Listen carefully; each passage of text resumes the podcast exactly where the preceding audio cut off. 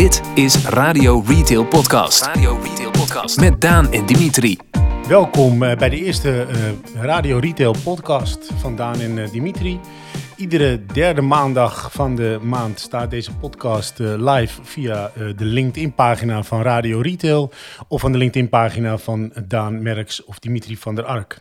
Daan, hoe ben je eigenlijk op het idee gekomen om een retail podcast te maken? Dat is wel heel, heel grappig. Eind januari was ik in Frankrijk aan het skiën en ik zat uh, in, uh, in de skilift. En toen kwam eigenlijk gewoon direct het idee op om, om een podcast te maken voor de retail. Want, er wordt natuurlijk wel in de media aandacht besteed aan, aan de retail. Maar het is ook met name het groot winkelbedrijf. Ik dacht, hoe leuk is het nou om ook aandacht te besteden aan een local hero? En ja, dan ben je zo'n beetje aan het skiën en dan komen er allemaal andere ideeën naar boven. En dan ben ik wel zo iemand die dan denkt van, joh, ik, ik, ga er ook gewoon gelijk mee beginnen. Dus diezelfde avond had ik ook al gelijk uh, een logootje bedacht samen met een, vriend van mij. En uh, ja, dacht ik van, weet je, wat ga ik nu doen? Ga ik dat, ga ik dat alleen doen? ik vind een podcast met z'n tweeën brengt wat meer dynamiek met zich mee. En nou, daarom heb ik jou gevraagd om daaraan, daaraan mee te doen. Ja, en ik moet zeggen, ik vind het zelf ook een superleuk idee van je. En wij ontmoeten natuurlijk heel veel uh, mooie retailers met gave verhalen, mooie uh, verhalen achter het retailconcept. En die delen wij altijd met een wat kleinere groep. En daarom leek het ons leuk om die verhalen juist met jullie te kunnen delen. En zo een groter podium te creëren voor lekkere, positieve, succesvolle ondernemers. Jouw agenda, mijn agenda. Hoe zien de agenda's van Daan en Dimitri eruit de komende maand? Welke steden gaan zij bezoeken en wie gaan er mee? Ja, dan hebben we onze vaste rubriek de agenda. En daar kijken we samen terug wat we de afgelopen week hebben gedaan en wat we de komende week gaan doen. Dat gaat uh, normaal over de reizen die we maken of over congressen die we organiseren. Maar de actualiteit haalt ons in. Uh, ja, net zoals iedereen hebben we natuurlijk te maken met het coronavirus en vooral alle uh, beperkingen die zijn om niet te veel mensen in het te ontmoeten. Dus vandaar dat, dat we deze week ook iets anders gaan invullen. Um, en wat ik wel heel mooi vind eraan is dat er ook een soort creativiteit uh, uh, bij een aantal ondernemers te zien is die uh, met bezorgdiensten spontaan komen of hun logistiek voor andere doeleinden inzetten om te zorgen dat ja, hulpverleners geholpen worden. De Local Hero van de Maand. Local Hero van de Maand. In deze rubriek interviewen Daan en Dimitri een local hero op locatie. Welke keuzes heeft deze ondernemer gemaakt om succesvol te zijn? En wat kunnen andere lokale retailers daarvan leren? De Local Hero van de Maand. We zijn eh, te gast bij Rick Moorman, eigenaar van House of Man op het Gelderlandplein in Amsterdam. Rick, eh, welkom. Als Dankjewel. eerste local hero in onze eerste Radio Retail uh, podcast. Je oh, dat is wel duidelijk hoor, dat is jullie eerste uitzending. Ja, dat uh, heb je wel gemerkt ja, al. Hè? De apparatuur ja. is zo nieuw, ruikt nog zo vers en jullie weten zo goed hoe het werkt. En nou het zegt. Top. Maar welkom jongen, ga door. Ja, we mogen elkaar geen uh, hand geven van de minister-president, heb, ik, heb ik gisteren begrepen. Maar leuk dat je even tijd wilde vrij, vrijmaken voor, voor dit interview. Rick, zou je in het kort iets kunnen vertellen over de historie van het bedrijf? Ja dat, ja, dat wil ik zeker, maar dat is best een, best een lang verhaal. Um, dit is bedrijf van mijn, van mijn ouders. We zaten hier al jarenlang op het Gelderlandplein. En toen ik een jaar of 7, 16, 17 was, zei, ik tegen mijn vader... pap, ik wil heel graag die winkel overnemen. Hij zei, nou jongen, als jij dat echt graag wil... dan zul je toch minimaal een opleiding moeten volgen aan de kweekschool voor de handel. En als je die dan met succes afrondt... dan ben je in staat om een winkel te gaan runnen. Dus ik was 20, ik was klaar, ik ga naar mijn vader. Ik zei, joh, als jij nou even opkrast... Uh, dan uh, neem ik het niet over, want ik heb gedaan wat ik moest doen. Toen zei hij tegen me, joh vriend, je kan nog helemaal niks. Ga ik er weg. Nou, je kan je voorstellen, als je twintig bent en je vader zegt op dat moment dat tegen je, was het terugkijkend best een, een, een, een tik. Achteraf had die man natuurlijk hartstikke gelijk. Nou, vervolgens ben ik uh, uh, begonnen als, als vertegenwoordiger uh, in, de, in de ondergoedindustrie. Om later uiteindelijk een, een, directiefunctie te, te bekleden bij de firma van Gils. En toen zei mijn vader, ja, kom je nog wel eens kom je nog terug? Ik zei, nou, dat denk ik even niet. Ik zeg, maar wat ik hier verdien, dat kan ik in een winkeltje niet verdienen. Maar ik hield wel binding met het bedrijf. Dus ik deed wel mee met een stukje inkoop. Dat was ook wel weer handig, omdat uh, de collega-merken uh, mij precies gingen vertellen wat ze aan het doen waren. Dat moesten ze wel, want ik was op dat moment inkoper. En ik kon natuurlijk met die dubbele pet daar best wel wat, wat, wat voordeel uit behalen. En uiteindelijk uh, kwam er een situatie die niet zo leuk was. Want, we praten nu over 1997. Mijn vader overlijdt zeer plotseling. En toen zei natuurlijk de familie, ja, potverdorie, kom jij nog terug naar die winkel? Nou, dat, dat is een lastige. En waarom is dat een lastige? Dat geldt denk ik voor iedere retailer, voor ieder ondernemer, misschien wel voor ieder mens.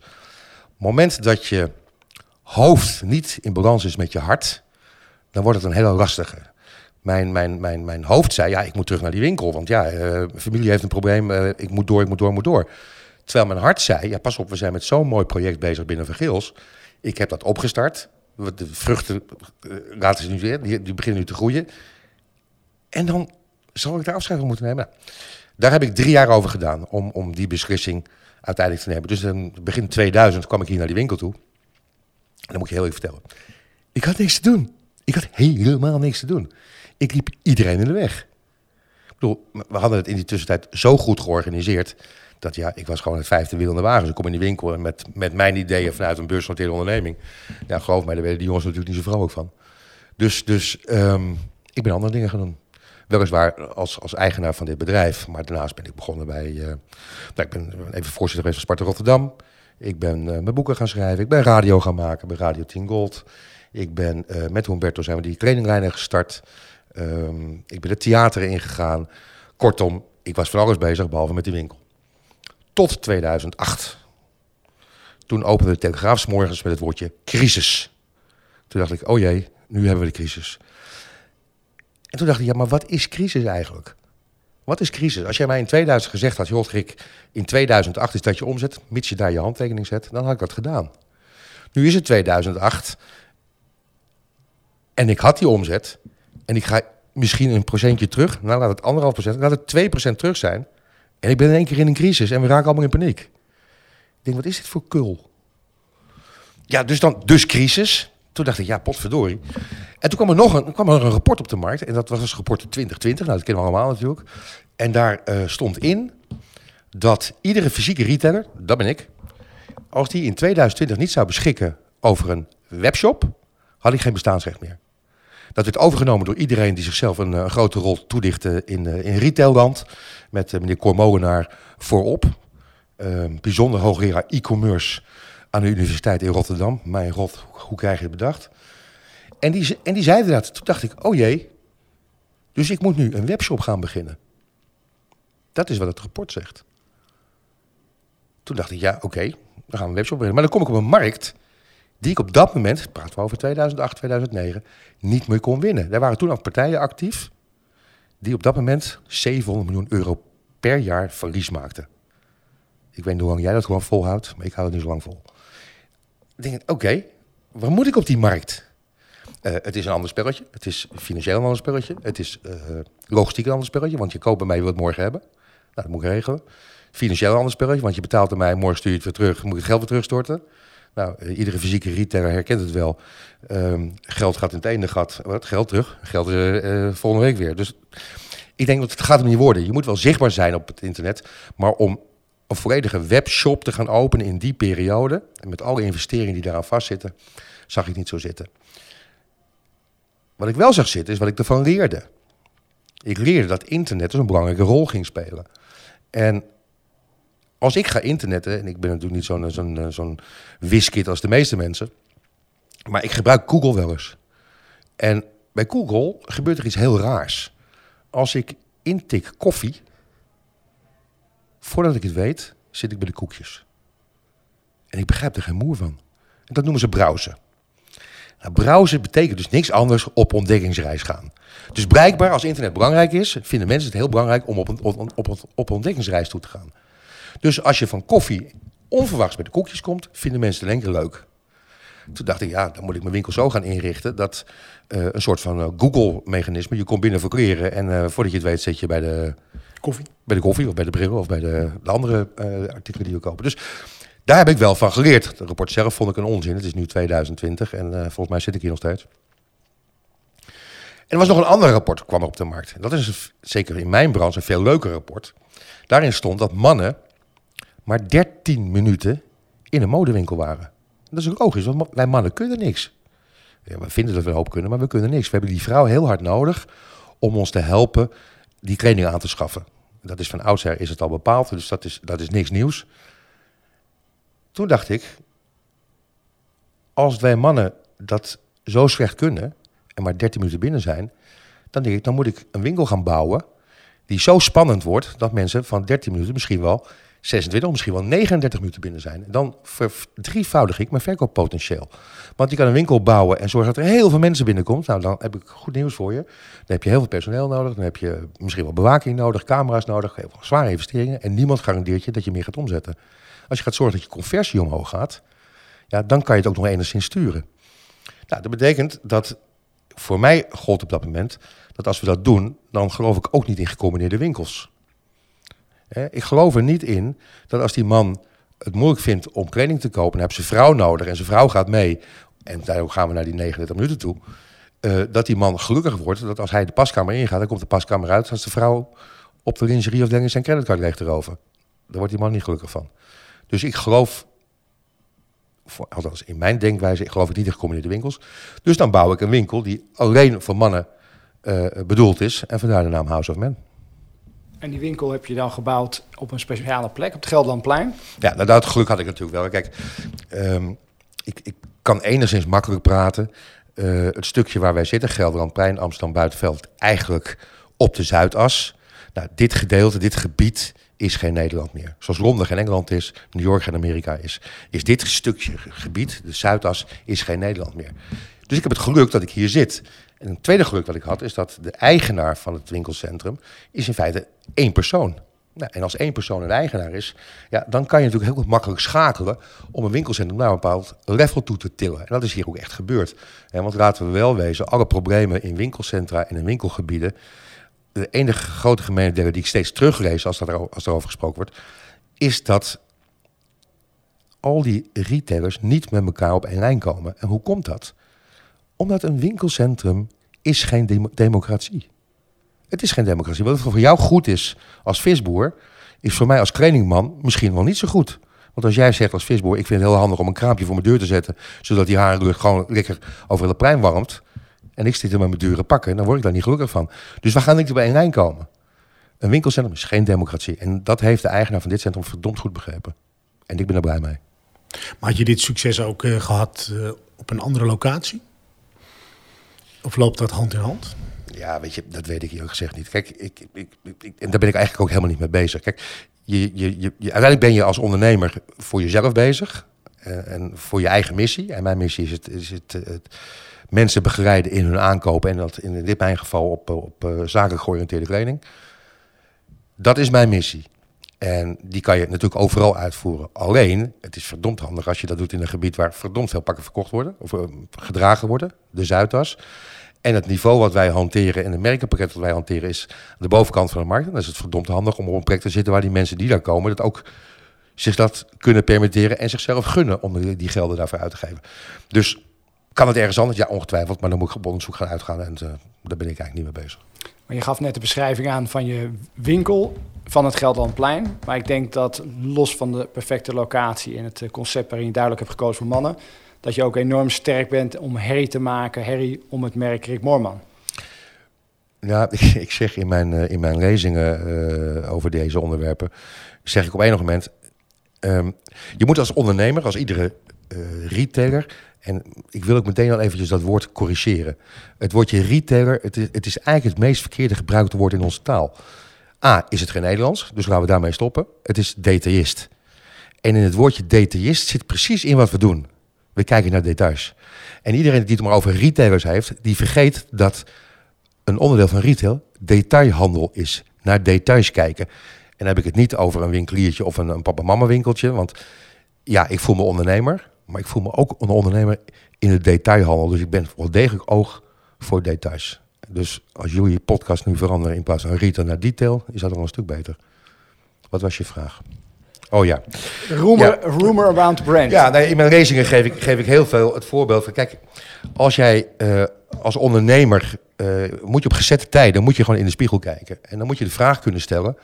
Waar ben je goed in? Ik ben waanzinnig goed ik ben echt asociaal goed in het lawaai maken rond mijn eigen naam. Want welke ondernemer kent die en in het theater staat met allemaal cabaretiers een half uur lang op het podium, zijn boeken schrijft, nou zijn er misschien weer die een radioprogramma doet, die de, de, dingen doet. Wat mensen van mij zeggen, of vind je mij de raarste man ter wereld, uiteindelijk denken mensen, ja, hij is knettergek, maar hij moet iets kunnen. Hij moet iets kunnen. En als het, het feit dat hij moet iets kunnen, ga ik toch eens kijken. Dan heb ik al mijn doel bereikt. Ja, dat onderschrijf ik.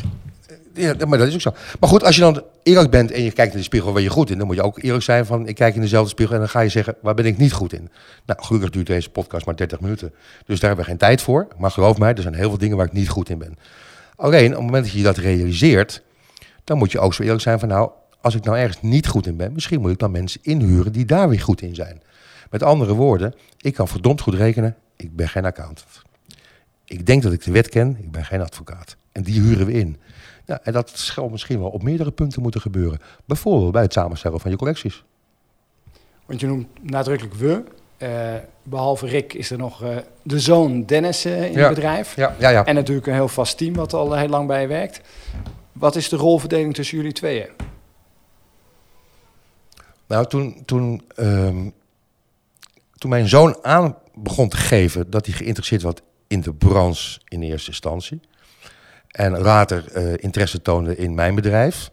Toen dacht ik, ja, nu wordt het wel lastig. Want um, als hij bij mij binnenkomt, en hij is nu bij mij binnen, dan word ik geconfronteerd met een aantal situaties. Als eerste ben ik vader. En iedere vader wil voor zijn kind het beste. Um, mijn, mijn, vader heeft me weggestuurd. Nou, dat wilde ik uiteraard niet doen. Um, maar ik denk, ja, ik, ik, wil ook vader kunnen zijn. En tegelijkertijd ben ik ook werkgever. Dat zijn natuurlijk twee grootheden die niet altijd parallel uh, uh, met elkaar omgaan. Dus dat heb ik gedaan. Ik heb mijn rechterhand, die al, al 36 jaar bij ons is, heb gezegd, luister, jij bent verantwoordelijk voor mijn zoon. Dus als het, als het goed doet, krijg je van mij een compliment. Als je het fout doet, grijp je sodemieter. Dus dan kon ik en vader blijven en uh, werkgever, werknemer zijn. Maar vervolgens dacht ik, ja, er is altijd nog een gezagsverhouding. En die zal er altijd zijn. Als je wil samenwerken, althans dat vond ik met, met mijn zoon, met mijn kind... dan moet ik gaan zorgen dat die gezagsverhouding anders komt te liggen. Want anders krijg je nooit een gelijkwaardig speelveld. Dus dat heb ik gedaan. Ik ben met de jongen de Kilimanjaro opgegaan. Waarom de Kilimanjaro? Om meerdere redenen. Een van de redenen heeft hier eigenlijk helemaal niks mee te maken. Maar is het feit dat ik vind, en dat vind ik oprecht, dat wij vaders um, veel van de dingen die we onze kinderen beloven afkopen. Ik geef je een voorbeeld. Jij, wil, jij zegt uh, tegen je kinderen vanavond, we gaan naar, de Efteling morgenochtend. Kinderen zijn helemaal door het dolle heen. We zijn vanmorgen s'morgens om zes uur al wakker. Papa, we gaan naar de Efteling, Efteling, Efteling. Jij krijgt om acht uur een telefoontje. Daan wil een nieuwe podcast opnemen. En jij zegt, dat gaat voor. En dan zegt het kind, sorry, we gaan niet naar de Efteling. Kind teleurgesteld. Jij denkt, weet je wat, je wilde toch een Playstation, koop die Playstation. We kopen het dus af. En ik wil iets doen met hem wat ik niet kan afkopen. Als ik die Kilimanjaro op ga, kan ik niet op een gegeven moment zeggen... Uh, ik ben moe, laat maar een helikopter komen... want boven de 3000 meter gaan kunnen geen helikopters komen. Dus ik moest het echt zelf doen. Nou, dan ga je zo'n tocht in, uh, uiteindelijk naar 6000 meter. En geloof mij, op die hoogte heb je elkaar zo hard nodig... is er geen hiërarchie meer. Die is er niet. Als je je realiseert dat als ik tegen hem zeg... ik ben het water uh, vergeten in de tent. Ga jij even terug naar die tent om het water te halen? Wat een hele normale, hiërarchische uh, opdracht zou zijn. Dan realiseer je, als ik dat ga doen, gaat die jongen kapot. Maar ik heb wel het water nodig. Dus dan ga je met elkaar overleggen. Ja, ik heb het water niet meegenomen. Heb jij water? Kunnen we delen? Ja, die berg moet je niet delen, want iedereen heeft het nodig. Nou ja, en zo ga je met elkaar om op basis van gelijkheid. Dus dat was een waanzinnig mooie ervaring. Nou, en toen we terugkwamen, op die berg zijn heel veel dingen gebeurd, want zijn niet zo relevant voor deze podcast. Um, kan ik wel zeggen dat, dat ik met hem een band heb opgebouwd. Uh, die we nu aan het uitbouwen zijn met alles wat we doen. Inclusief onze, onze reizen door, uh, door Europa heen. Met betrekking tot die collecties. Waarbij we op basis van gelijkheid of gelijkwaardigheid uh, praten over de business. En die kan nog steeds vader zijn. En die kan ook nog steeds werkgever zijn. En, en, en dat is misschien het aller, wel het allermooiste, het allerbelangrijkste wat ik, wat ik de afgelopen jaren bereikt heb. Maar die reis is echt een verdieping geweest in jullie relatie. Uh, en zeker de, om zakelijk met elkaar verder te groeien. Het zal, uh, ja, zeker is er zeker een verdieping geweest. En, maar het was meer dan dat, meer dan een verdieping. Het was ook een, een verrijking van mijn eigen geestelijke vermogen. Omdat ik me realiseerde dat ik als vader misschien best wel een hoop tekortgeschoten heb. Wat ik je net als voorbeeld gaf. Ik bedoel, ik was bij uitstek degene die altijd riepen, we gaan dit doen. En oh, sorry, ik heb iets anders dat is belangrijk. Ik ben doe dat. En ik wilde hem iets meegeven, los van, van, van dat we gaan samenwerken, dat, hij, dat als hij straks 92 is, dan hebben ze achterkleinkinderen, dat hij zegt, joh, die vader van mij die was knettergek. Maar hij, ik heb met die gozer wel even de Kilimanjaro beklommen. En dat was met de partij gaaf. Dus voor mij was het meer dan alleen dat. Uh, Rick, de, de, samenwerking met je zoon is ook heel erg belangrijk. Maar betrek je hem dan ook zeg maar, bij de inkoop van, jou, uh, van je collectie? Jazeker, jazeker. Als hij uiteindelijk uh, de stap wil maken die ik ook heb moeten maken, dan zal hij van alle facetten op de hoogte moeten zijn. Nou, is inkoop een, een, een, belangrijk, een belangrijk gegeven van, ja. En uh, als je kijkt, hè, je, je, werkt ook met wat private label producten. Ja, ik vind dat zo'n verschrikkelijk woord. Oké, okay, leg uit. Ja, maar wat is private label? Weet je, noem dan het eigen huislabel, maar dan trek je hem richting de restaurants. En de, de, de, de sommelier heeft natuurlijk altijd, de huiswijn is zijn beste wijn. Nou, dat, dat fenomeen kennen we niet in, ja. onze, in onze handel. Uh, we kennen wel private label. En het vervelende is dat private label bij de meeste van mijn collega's verwoorden zijn tot extra margemakers. En het gekke is dan dat mensen dan ook nog eens een keer marge willen maken over producten die lekker goedkoop zijn. Nou, dat betekent dat je kwaliteit gaat inleveren. Dus voordat je het weet, is je private label eigenlijk het grootste rammersmerk in je winkel wat je hebt.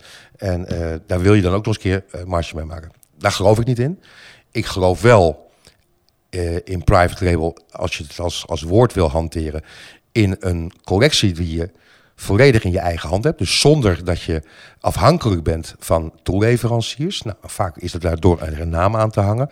Alleen trap dan niet in de valkuil waar de meeste van mijn collega's in trappen. Want die, die, die, die plakken er een labeltje op met... Uh, met uh, uh, ja, ik wil het heel raar zeggen, maar dat zal ik maar niet doen. Het is een podcast. Met nou, boek erop. Een boek is dan hun, hun private label. Maar daar geloof ik niet in. Als je je private label doet, dan moet je ook nadenken zoals een merkslabel bouwt. En uiteindelijk een merk bouwt. En dat begint bij geloofwaardigheid. Dus een, een, een eigen merk bouwen is het moeilijkste wat er is. Maar het kan. Maar dan moet je aan alle facetten nadenken. Wij hebben bijvoorbeeld het merk eh, Solferino. Solferino, daar zit historie in. Historie die traceerbaar is, die verifieerbaar is. Want ik kan natuurlijk van alles roepen. Maar als, je, als ik weg ben, dan ga jij zitten koekelen. En als ik dan uh, betrapt word op een leugen, dan denk je ook wel een mafkees is dat.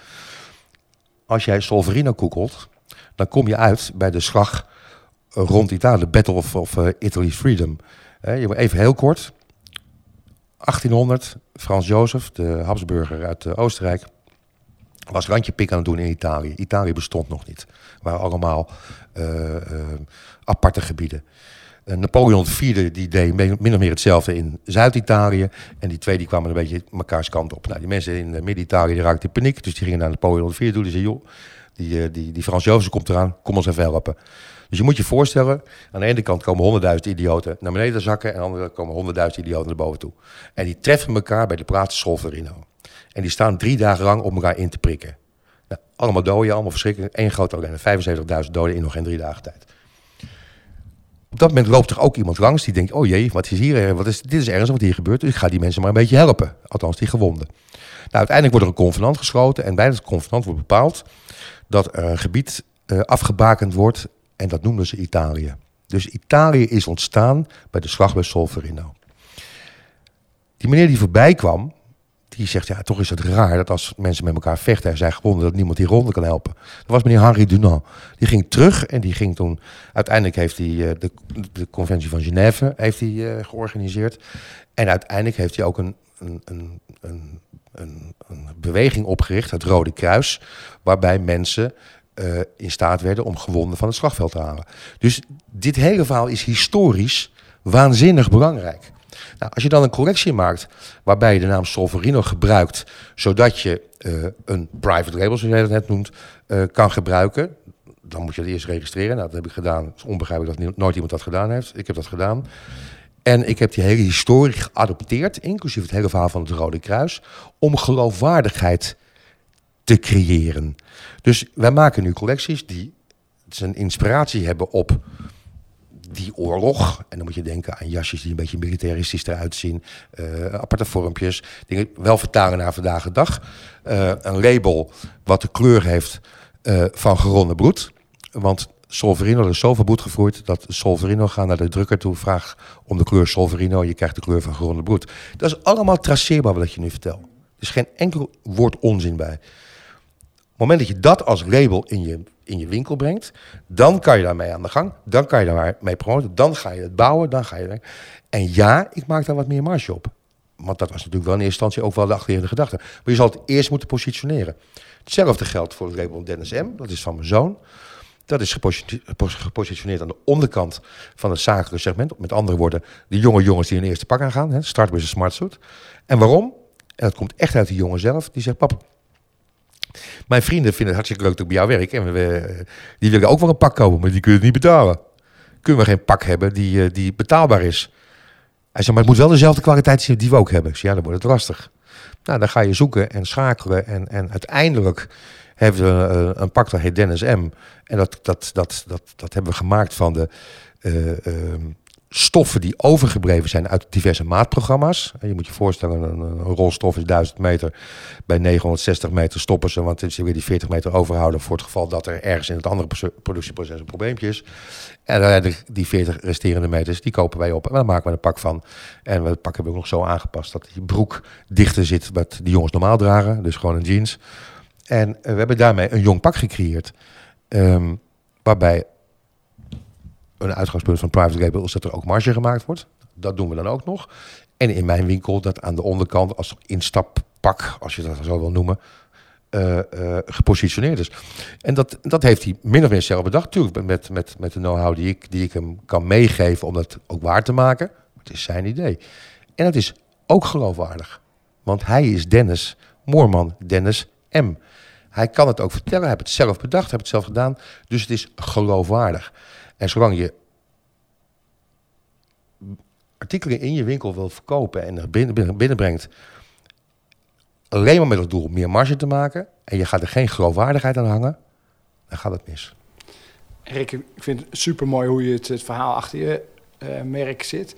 Maar ik vind het nog veel mooier, en daar ben jij even aan voorbij gaan, hoe je op dit merk en op die plaats terecht bent gekomen. En dat je dus altijd aanstaat, ook tijdens je vakantie. Ja, want jij weet meer van het verhaal. Nee, dat klopt. uh, Solferino is een plaats, uh, die ligt 30 eh, kilometer onder Simeone, bij het Gardameer. En um, ik ben rossig van huis uit. Dat is mijn zoon ook. Uh, mijn dochter ook. En mijn echtgenote vooral niet. En mijn echtgenote gaat het liefst liggen. en om het kwartier draaien. En dan nog weer terugdraaien. En aan het eind van de dag is ze bruin en vindt ze dat mooi. als ik het woordje zon opschrijf, dan verbrand ik al. We waren daar in de zomer bij het Gardermeer. Het was zo verschrikkelijk warm. Ik denk, weet je wat ik ga doen? Ik ga in mijn auto zitten, naar mijn airco. Dus ik ben rond gaan rijden. En toen kwam ik in Solverino en ik zag een museumpje. Ik denk, nou, dat museum dat zal ook wel koud zijn. Dus ik denk, ik parkeer mijn auto, ik loop naar binnen, ik ga een museumpje binnen. En ja hoor, de airco was aan. En ik denk, nou, het is buiten zo warm. Ik ga maar eens kijken wat er in het museum is. En zo ben ik op Solverino gekomen. Rick, wat je net uh, mooi vertelde, dat jij ontzettend goed bent in herrie maken. Herrie om het merk Rick Moorman heen. Ja. Uh, je hebt mij ook wel eens verteld uh, hoe je op de businessclub bent geweest. Uh, wat je zelf voor een businessclub hebt opgestart. Kun je ons daar even meenemen nog? Ja, nou weet je, ik, ja, ik heb een businessclub. En ik heb een businessclub, daar zitten bijna 50 mensen in. En die mensen die betalen mij een x-bedrag per jaar om naar mijn onzin te mogen luisteren. Um, en dat is eigenlijk ontstaan door het feit dat, dat ik heb zo'n groot netwerk. En de valkuil denk ik voor heel veel mensen als je een groot netwerk hebt... is dat je heel veel bereid bent om voor andere mensen iets doen. Dus jij vraagt mij, Godrik, uh, kan jij aan kaartjes komen voor uh, Ajax PSV? Uh, of God, jij, jij vraagt Godrik, kan jij aan kaartjes komen van een concert in het Ziggo Of kan jij dit, of kan je dat?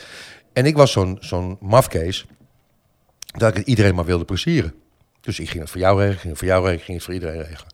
En ik kwam met je tegen op een feestje en toen zei God, een mooi pak heb ik aan, hè? En ik, potverdorie. Zeker een mooi pak, maar dat ben bij mij niet gekocht. Dus ik denk, ja, wacht even ik ga stoppen met voor iedereen allerlei, uh, allerlei dingen te organiseren, te regelen en, en te, te, te, te, te, te faciliteren. Dat ga ik alleen nog maar doen voor de mensen die ook trouw zijn naar mij toe. Nou, op het moment dat je een businessclub maakt, dan worden mensen lid van een businessclub. Is een lidmaatschap. Uh, daar geef ik wel het een en ander voor terug. Ik geef een jaardiner terug. Ik geef uh, allerlei andere zaken voor terug. Maar het belangrijkste is dat ik daarmee 50 ambassadeurs kweek voor mijn winkel. Ik heb net al gezegd, dit, we zitten hier op de Zuidas. Uh, kantoorruimte is hartstikke duur. Zeker als je dat uh, kortstondig moet uh, huren voor een, voor een afspraak. En mensen in mijn businessclubs komen uit het hele land. Dus als iemand die in het eh, zuiden woont en een afspraak heeft hier in Amsterdam, dan kan hij van deze ruimte waar we nu ook zitten gebruik maken. En kan hier zijn bespreking doen op zijn eigen business. En dan zal ongetwijfeld de vraag komen van waarom zitten we in de kledingzaak? Nou, dan beloof ik, ja, gaat niet vertellen dat het een hele, hele slechte firma is. Want dat, dat gaat hij niet doen. Nee, die gaat enthousiast vertellen over mijn bedrijf. Dus dan heb ik er weer een ambassadeur bij. Dus die businessclub was een gouden greep. Je hebt uh, heel veel verteld over, uh, over je onderneming. Uh, heb je nog tips voor andere retailers, lokale retailers of, of startende retailers? Om Ja. ook een local hero te worden? Dat heb ik zeker. En ik vind het alleen jammer, Daan, dat je ook niet luistert. Ik heb geroepen, weer een van de grote problemen in dit land is dat we heel veel Engelse woorden gebruiken. En retail is er één van. En als je alleen maar retail praat, dan ga je dus voorbij wat we uiteindelijk zijn. De Nederlandse taal heeft het woordje detailist, detailhandel. Daar zit het woordje detail in opgesloten.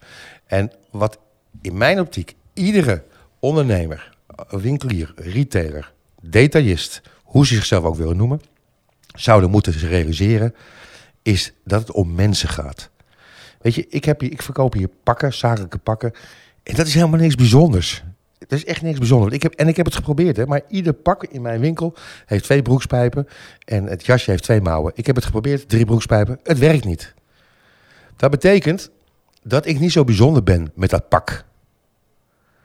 Wat maakt het dan wel bijzonder? Wat maakt het wel bijzonder? Want ik ben ook nog eens niet goedkoop. Ik ben ook nog eens een keer duur. Waarom wordt het, komen mensen dan toch bij mij binnen om een pak te kopen? Omdat ik geïnteresseerd ben in mensen. En als je geïnteresseerd bent in mensen, ja, dan kom je een heel eind. En we vergeten met z'n allen, eh, en zeker heel veel van mijn collega's, die zijn met van alles bezig. Met, echt, echt met van alles, van webshops tot computers, tot weet ik wat ze allemaal aan het doen zijn. En gaan gebakshalve voorbij aan waar het werkelijk om gaat. Om mensen. En als we dat vergeten, ja, dan heb je gewoon een probleem. Dus als jij aan mij vraagt, wat zou nou een goede tip zijn voor iedereen die luistert? Nou, ga terug naar de Nederlandse taal. En waarom? Omdat je dan iedere dag herinnerd wordt aan waar het nou werkelijk om gaat. Is dat je met mensen bezig bent. Mooie afsluitende woorden. Eh, wij willen Rick graag eh, enorm bedanken voor zijn gastvrijheid, En openheid? openheid en inderdaad, eh, hij kan enorm kletsen, die man. Dankjewel. Q&A met. In deze rubriek leggen Daan en Dimitri iedere maand een vijftal stellingen voor aan een CEO of een ander directielid van een winkelketen, retail vastgoedpartij, of retail automatiseerder. Uiteraard met een persoonlijke touch. Deze maand de Q&A met Gert van Doren, leeftijd, 40. beroep, Algemeen directeur bij Coöperatie Primera. hobby's, Voetbal, eh, sportschool en eh, af en toe nog een beetje tennis. Laatst gelezen boek, Oei, dat is in ieder geval een thriller over een New Yorks appartement en wat er allemaal afspeelde. Maar wie de schrijver is, zou ik niet meer weten. favoriete voetbalclub. Mijn eigen lokale clubje MVV 58 en natuurlijk de club uit Brabant. eh, Daar speel je in de PSV. spits. Eh, bij MVV 58, ja. Maar Met je rug naar de goal. ja, dat klopt, ja. ja. Afspeelpunt, hè. Aantal vestigingen Primera. 519. Favoriete retailconcept naast Primera uiteraard. Dat zijn er toch wel meerdere. Eh, Rituals, eh, Hema en Bijkorf.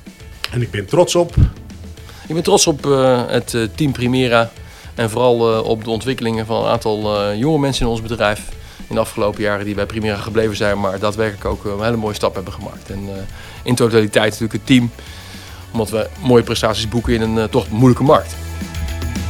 Stelling 1. Als wij geen coöperatie waren geweest, had de vlag er bij Primera heel anders voorgehangen. Ja, dat denk ik wel. Want ik, eh, ik verklaar het eh, in ieder geval een groot deel van het succes ook juist eh, aan de coöperatie of door de coöperatie. Omdat het fijne aan de coöperatie is dat onze ondernemers lid zijn van de coöperatie en daarmee natuurlijk voor het grootste deel de zeggenschap ook hebben binnen de coöperatie. En dat betekent dat alles wat wij doen ook daadwerkelijk doen voor dat lid. En dat zorgt ervoor dat we natuurlijk veel vertrouwen hebben en transparantie hebben richting de ondernemers om dingen voor elkaar te boksen die we voor elkaar willen boksen. Eh, het is natuurlijk makkelijk voor, eh, relatief makkelijk voor mij en ons team om tegen de ondernemer te kunnen zeggen: joh, we doen het niet voor ons, want wij worden daar niet beter van. Maar we doen het alleen omdat we denken dat het voor jou als ondernemer het beste is voor jouw bedrijf. En dat helpt natuurlijk om dingen voor elkaar te krijgen. En af en toe ook eens het voordeel van de, van de twijfel te krijgen om dingen uit te proberen. En eh, ik ben ervan overtuigd dat, dat, eh, dat doordat we dingen hebben uit kunnen proberen bij onze ondernemers, ja, we dingen ook groot hebben kunnen maken. Ik zie, uh, bij, uh, Gert, ik zie bij veel andere organisaties is er vaak gedoe tussen de, de franchise-nemers, Albert Heijn, Bakker Bart en de organisatie. Um, bij Primera hoor ik nooit wat. Hoe kan dat? Nee, nou gelukkig hoor je inderdaad niks. Maar natuurlijk is er ook wel eens wat bij Primera aan de hand. We hebben 519 uh, winkels, dus bij een aantal ondernemers natuurlijk altijd wel wat aan de hand. Maar inderdaad, er zijn geen grote problemen. En ik moet dan eigenlijk gelijk denken ook aan, een wijze les uit het verleden van... volgens mij was het de directeur van Campina. Die ooit eens zei, als ik het niet uit kan leggen aan onze leden, dan doen we het gewoon niet. En ik denk dat dat de essentie is van het werken ook in een coöperatie. En dat we dat ook, ook goed doen richting onze ondernemers. We leggen goed uit wat we doen, waarom we dat doen en waarom dat goed is voor ondernemers. En ook de dingen die niet goed gaan, durven we te benoemen en kunnen we benoemen. En die worden ook vergeven. Uh, als we een keer een fout maken. Of ondernemers zeggen, nou oké, we pakken het samen op en we gaan het, we gaan het tegenaan. Ik denk dat dat een essentieel verschil is. We besteden daar heel veel aandacht aan. door simpelweg communicatie, persoonlijke communicatie in de vorm van een districtsmanager die iedere zes weken in de winkel komt en echt als bedrijfsadviseur van die ondernemer fungeert, maar die alles op tafel kan leggen, wat goed is en wat niet goed is. We besteden daar veel aandacht aan door twee keer per jaar tien regioavonden te organiseren waar we ondernemers uitnodigen en waar nou, zo'n bijna 70% op afkomt van onze ondernemers. Dat zijn natuurlijk allemaal persoonlijke contactmomenten waardoor je de feeling houdt met die ondernemers en wat er leeft bij die ondernemers. Dat is, is van essentieel belang. Daarnaast, uh, meer kwantitatief, doen we één keer per jaar een tevredenheidsonderzoek. Waarin we op alle facetten van de organisatie, van receptie tot en met directie, vragen aan de ondernemers: vertel maar, wat doen we goed en wat moet er beter? En daar gaan we dan ook vervolgens natuurlijk mee aan de slag. En het is ook goed om te zien dat we in dat soort onderzoeken al jaren op rij een dikke acht scoren uh, van uh, onze ondernemers. Dus je ziet dat dat vertrouwen er is, maar dat er ook gewoon een gezonde communicatie heen en weer is tussen ondernemers en organisatie. En geen wij-zij cultuur Zoals je dat natuurlijk toch wel eens een keer hoort in, in het land. Dus we zijn vandaag niet in het hoofdkantoor van Primera, maar we zijn vandaag in een servicekantoor of een ter ondersteuning van. Nou ja, en wij hebben daar zelfs een andere naam voor die we gebruiken, dat, is, dat wij het letterlijk clubhuis noemen. Want in feite is dit, dit kantoor van onze ondernemers. Dus wij zeggen tegen onze ondernemers, nou welkom in ons clubhuis en jullie clubhuis, want dat, dat is het. En zo acteren we ook met elkaar. Stelling 2. Onze IT-afdeling is de motor van onze groei. Nee, het is niet de motor van onze groei.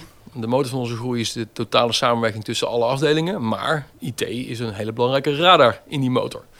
En een radar die wij ook op een, eh, op een heel hoog punt hebben staan in onze organisatie. We hebben uh, niet voor niks een aantal jaren geleden al uh, de functie van IT ook in de commerciële directieportefeuille gestopt. Om ervoor te zorgen dat IT als een strategisch middel ingezet kan worden richting de toekomst. Um, het zorgt namelijk, het faciliteert namelijk dat wij, punt 1, veel meer weten van onze klanten. De data die we verzamelen middels spaarpasgegevens bijvoorbeeld, of middels onze app, of middels alle kassabondata die wij verzamelen, zorgt ervoor dat we slimmere dingen kunnen doen.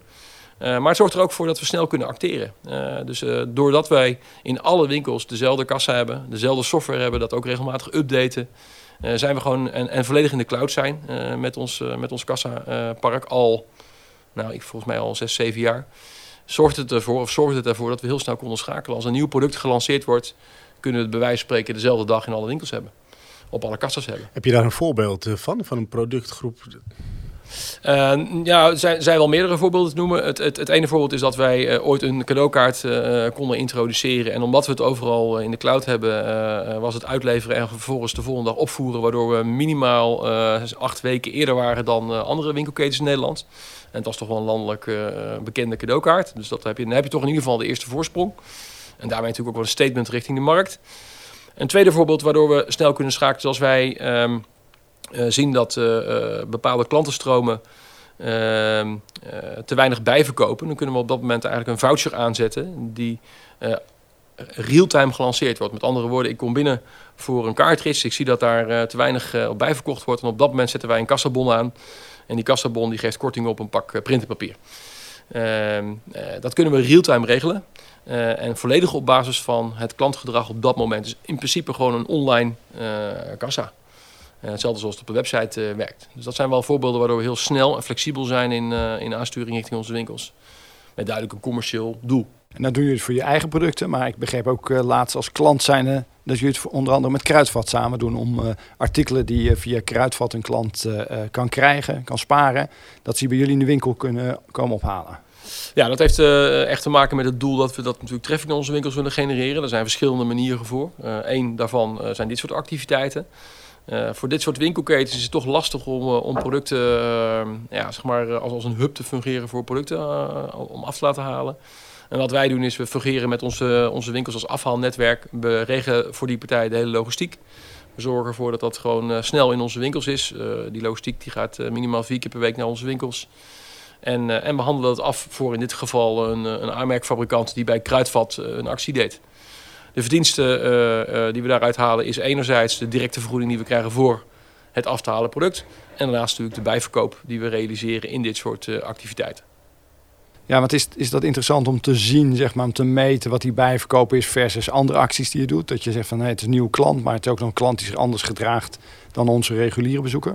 Ja, we hebben, we hebben, je, hebt, een korte termijn doel en een lange termijn doel daarbij. Het korte termijn doel is directe bijverkoop. Dat meten we uh, helemaal door op basis van de kassabonverkoop. Dat is ook weer het voordeel dat al die kassen allemaal hetzelfde werken. Dus we kunnen dat precies inzichtelijk maken. Nou, varieert een beetje tussen de 10 en 20 procent bijverkoop die we daaruit halen. als de korte termijn winst. De lange termijn is dat natuurlijk ook mensen zijn die niet per definitie in de primaire winkel uh, kwamen. En daarmee toch voor een eerste keer kennis maken met het assortiment. En dat is voor ons toch nog wel een belangrijk doel dat uh, we de assortimentsbekendheid uh, van Primera verder vergroten. Stelling 3. Primera gaat net als Jumbo en Dille en Camille binnenkort internationaal. Nou, laat ik uh, vooropstellen dat er wel behoefte is aan een formule à la Primera. Want je ziet toch in het buitenland, en dan laten we even de dichtstbijzijnde landen nemen, België en Duitsland, dat er wel behoefte is aan een concept waarbij we meerdere assortimenten uh, die wij voeren bij elkaar brengen. Want daar zie je toch, je hebt of de tabakswinkels of de lectuurwinkels. Uh, of de wenskaartenwinkels. En een combinatie onder één dak zie je nauwelijks. Uh, dus we denken daar, uh, dat daar best wel potentie zou kunnen liggen in de toekomst. Maar we hebben voor onszelf wel de afweging gemaakt. Wat brengt het de ondernemers op dit moment, de bestaande primaire ondernemers, als wij naar het buitenland gaan? Want je zal alles opnieuw, opnieuw op moeten tuigen. Uh, we hebben natuurlijk bijvoorbeeld te maken met de nationale loterij hier in uh, Nederland. En die is in België en Duitsland weer anders. Dus je moet eigenlijk je hele formule, dat is toch in ons geval een verzameling van allerlei uh, veelal lokale merken, moet je opnieuw op gaan bouwen in het buitenland. In plaats van dat je schaalvoordeel creëert zoals HEMA, die een product gewoon ook in het buitenland met een andere taal uit kan zetten. Um, waar je natuurlijk wel naar zou kunnen kijken op, uh, op, op termijn is of je een vorm van master franchise uh, aan gaat bieden aan buitenlandse spelers. Zodat je de kennis die je hebt opgebouwd en de data die je hebt opgebouwd verkoopt aan een partij. En uiteindelijk de opbrengsten daarvan weer terug zou vertalen naar je bestaande ondernemers in Nederland. Een gedachtegoed voor de toekomst, want voor de korte termijn, zoals ik al heb gezegd, verwachten wij gewoon door te kunnen groeien naar zo'n 550, 570, 575 winkels. Dus voor de korte termijn hebben we gezegd, nou, we focussen ons daarop, dat is belangrijk. Maar voor de langere termijn zou dat een, een optie kunnen zijn. Dus dan krijgen we net als de HEMA in Dubai, krijgen we de Primera doel in Dubai, maar dan met een aangepast... Uh... Ja, het zou zomaar kunnen. Of het dan Primera is ook nog de vraag, maar uh, uh, het concept zou zomaar kunnen, ja. Stelling 4. Stiekem ben ik eigenlijk wel een beetje jaloers op een samenwerking à la HEMA Jumbo. Nou, nee, eigenlijk niet. Want uh, dat doen we al. Uh, weliswaar op een andere schaal. En ik denk dat daar nog best wel wat potentie ligt. Maar op dit moment zijn er al meerdere uh, supermarktketens uh, die, uh, die ervoor kiezen om een samenwerking met Primera op te zoeken. onder andere ook twee Jumbo-franchisers die dat hebben gedaan. En die er bewust voor kiezen om de Primera winkel ehm, naast of in de Jumbo winkel te positioneren. Om er zo voor te zorgen dat de, de, de producten en diensten die wij verkopen, uh, daar een stukje specialisme voor hebben. Uh, en ze zichzelf uh, meer kunnen focussen op foodproducten. Dat doen we met Bonen supermarkten, dat doen we met Jumbo. Met twee franchise-nemers, maar ook twee franchise-nemers van Albert Heijn. Dus er zijn al meerdere voorbeelden waar dat gebeurt. En um, nou, ik geloof dat daar in de toekomst wel meer potentie voor, voor ligt. Uh, omdat ik me voor kan stellen dat uh, een formule als Primera uh, daadwerkelijk van toegevoegde waarde is voor een supermarktondernemer. omdat het toch de productgroepen zijn die in een supermarkt vaak wat lastiger liggen. met name ook het serviceassortiment. En, en wij dat met onze formule prima kunnen bedienen. Het uitgangspunt natuurlijk is altijd dat een ondernemer bij ons gewoon een fatsoenlijk ondernemersinkomen eruit haalt. Dus dat, dus dat zullen we altijd als uitgangspunt hanteren. En het kan natuurlijk ook zo. Het kan natuurlijk ook niet zo zijn dat een uh, nieuwe winkel al in een bestaand marktgebied komt van een bestaande primaire ondernemer. Dat hebben we gewoon afgedicht binnen onze samenwerkingsovereenkomsten. Dus een landelijke uitrol zal dat niet zo snel zijn, maar lokaal liggen daar uh, absoluut kansen. Als je kijkt wat uh, Jumbo denk ik heel sterk doet en ook de HEMA, die roept een soort Hollandse trots op, een familiegevoel. En daar zie je ook wel een soort concurrentie ten opzichte van Albert Heijn, die toch als een soort internationaal concern zo langzamerhand meer gezien wordt. Zou dat trots en Hollandse gevoel ook iets kunnen zijn wat bij jullie past, bij Primera? Ja, ik denk dat dat uitstekend matcht met eh, DNA van uh, de gemiddelde Primera winkel en ondernemer. Um, en ik, ik geloof ook en ik zie ook dat uh, onze ondernemers natuurlijk ook toch wel een, een, bijzondere uitgangspositie daar hebben. Dat merk je ook zelf als je, als je zelf in de winkel staat. Ik, ik sta zo'n, het afgelopen jaar zo'n vier keer heb ik weer een dagje meegelopen in de winkel. En de sfeer die je dan ook ervaart, is dat die ondernemer natuurlijk echt zijn klanten heel goed kent. Um, dat hij toch net even een stapje extra doet dan dat die supermarktondernemer met zijn, al zijn personeel kan doen, überhaupt. Ja, dat is natuurlijk toch wel iets wat wij kunnen, makkelijk in kunnen vullen met ons concept en met ons type ondernemers. Wat voor uh, de gemiddelde supermarkteigenaar toch wat lastiger in te vullen is. Ja, tegenwoordig is de discussie natuurlijk over uh, de toegevoegde waarde van de fysieke winkel. En een van de uh, paradepaardjes die alle retailkenners dan altijd noemen is de kracht van personeel. Eh, in jullie geval kracht van de ondernemer, lokale ondernemer. Is dat ook iets wat echt bij heeft gedragen aan het succes de afgelopen jaren? Ja, ik denk dat dat een combinatie is van, van de kracht van ondernemer, de kracht van Primera inmiddels als, als merk en als formule. Uh, in combinatie met, met blijven ondernemen als organisatie als geheel. Want uh, we kunnen nog zo goede ondernemers hebben, maar als we de, samen geen nieuw business ontwikkelen waar die ondernemer aan de slag kan gaan, ja, dan, dan, dan sterft het uiteindelijk ook uit. Dus je zult moeten blijven vernieuwen. Je zult moeten blijven pionieren in je winkels. Dat hebben wij de afgelopen jaren ook weer gedaan met bijvoorbeeld een categorie cadeau, maar ook bijvoorbeeld met de lancering van een heel nieuw assortiment telecom in onze winkels. En, en dan zie je dat dus, dus het samenspel tussen een sterke landelijke formule en een sterke lokale ondernemer, dat dat een hele krachtige is. En ik ben ervan overtuigd dat dat ook zal blijven, ondanks, of misschien zelfs des, uh, als gevolg van alle internetontwikkeling. Ja, want dat maakt jullie die slagvaardigheid in die platte organisatie, korte lijnen, eh, doen vooral. Eh, dingen proberen in de daadwerkelijke praktijk en niet inderdaad heel lang over nadenken. En, maar vooral ook gewoon zien hoe de klant reageert. Is dat iets waar je probeert in beweging mee te blijven en te vernieuwen? Ja, dat is een heel belangrijk onderdeel van het DNA van dit bedrijf. Dat we inderdaad blijven ondernemen met elkaar. En uh, dat betekent ook dat je accepteert dat er, uh, dat dingen mislukken. En, en die mislukken, er mislukken ook heel veel dingen. maar uiteindelijk komt daar in 20% van de gevallen misschien wel weer iets uit voort wat je, wat je wel landelijk op kan spelen. Een mooi voorbeeld is telecom. Wij zijn ooit begonnen ehm, in de telecommarkt, omdat we daar zagen dat telecomwinkels verdwijnen. Dat wij al een functie hadden met, met, met, met, met de PostNL servicepunten van ophalen en of brengen en weer ophalen. En toen hebben we een, eh, een telecom uh, reparatieservice zijn we gestart met een externe partij. Wat het idee was dat mensen hun telefoontje brengen als die kapot is en de volgende dag weer op kunnen halen. En dat we dat, dat we als inleverlocatie daarvoor zouden gelden. Nou, dat is niet gelukt. Maar uiteindelijk is het, heeft het wel ons wel de kennis gebracht dat er in die markt van telecom behoefte was aan, aan, aan een, deel van het telecom assortiment. En zo zijn we uiteindelijk bij de accessoires gekomen. Met als hoogtepunt dat Apple vorig jaar heeft gezegd: Nou, wij zien Primera als authorized reseller voor accessoires. nu inmiddels zijn we bijna een jaar aan de slag met, met een volledig telecom accessoire assortiment met Apple als, als belangrijkste partij. Maar dan wel weer de keuze voor een kwaliteitsproduct en niet puur een uh, prijsstunter of een Chinese leverancier.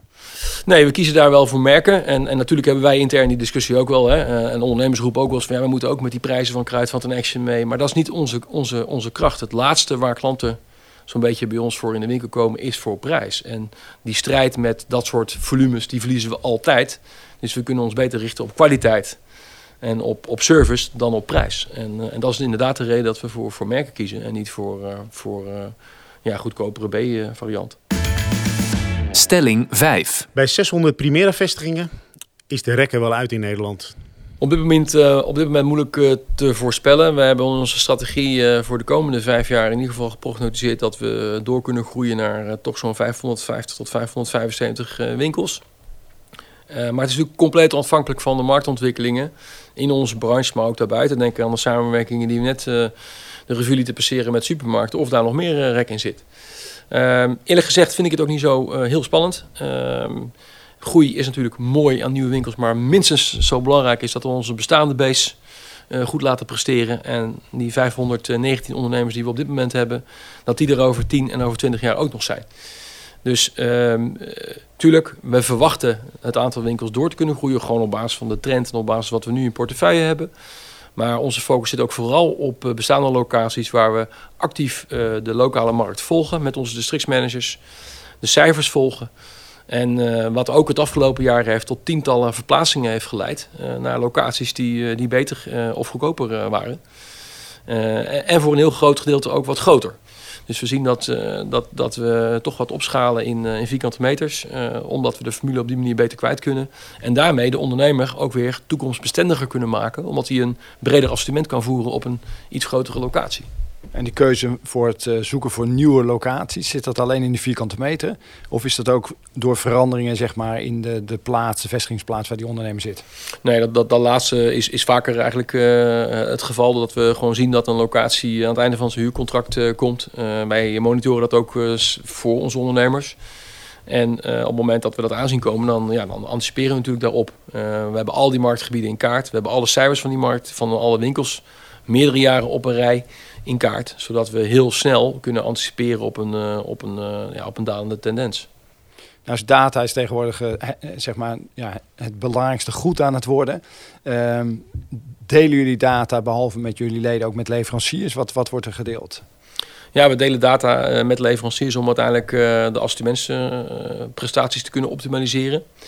Uh, dat doen we nog wel, vind ik persoonlijk, te, te eenzijdig. We zijn dit jaar uh, een, uh, zoals wij dat noemen, een start-up team gestart om, om wat meer versnelling aan te brengen in, in wat we doen met data. Omdat we vooral terugkijken en nog weinig voorspellend vermogen uit die data halen. dus dat, dat kan beter. en dat, daar gaan we dit jaar ook meer tempo in maken. Beste Gert, dank voor je tijd, je openheid en het leuke gesprek. En dit was weer de podcast, de allereerste podcast van Retail Radio. Radio Retail wordt mede mogelijk gemaakt door Q&A Insights en Consultancy, Bureau van de Weert, Shell Station van de Knaap en kennispartner platform Supermarkt en Ruimte.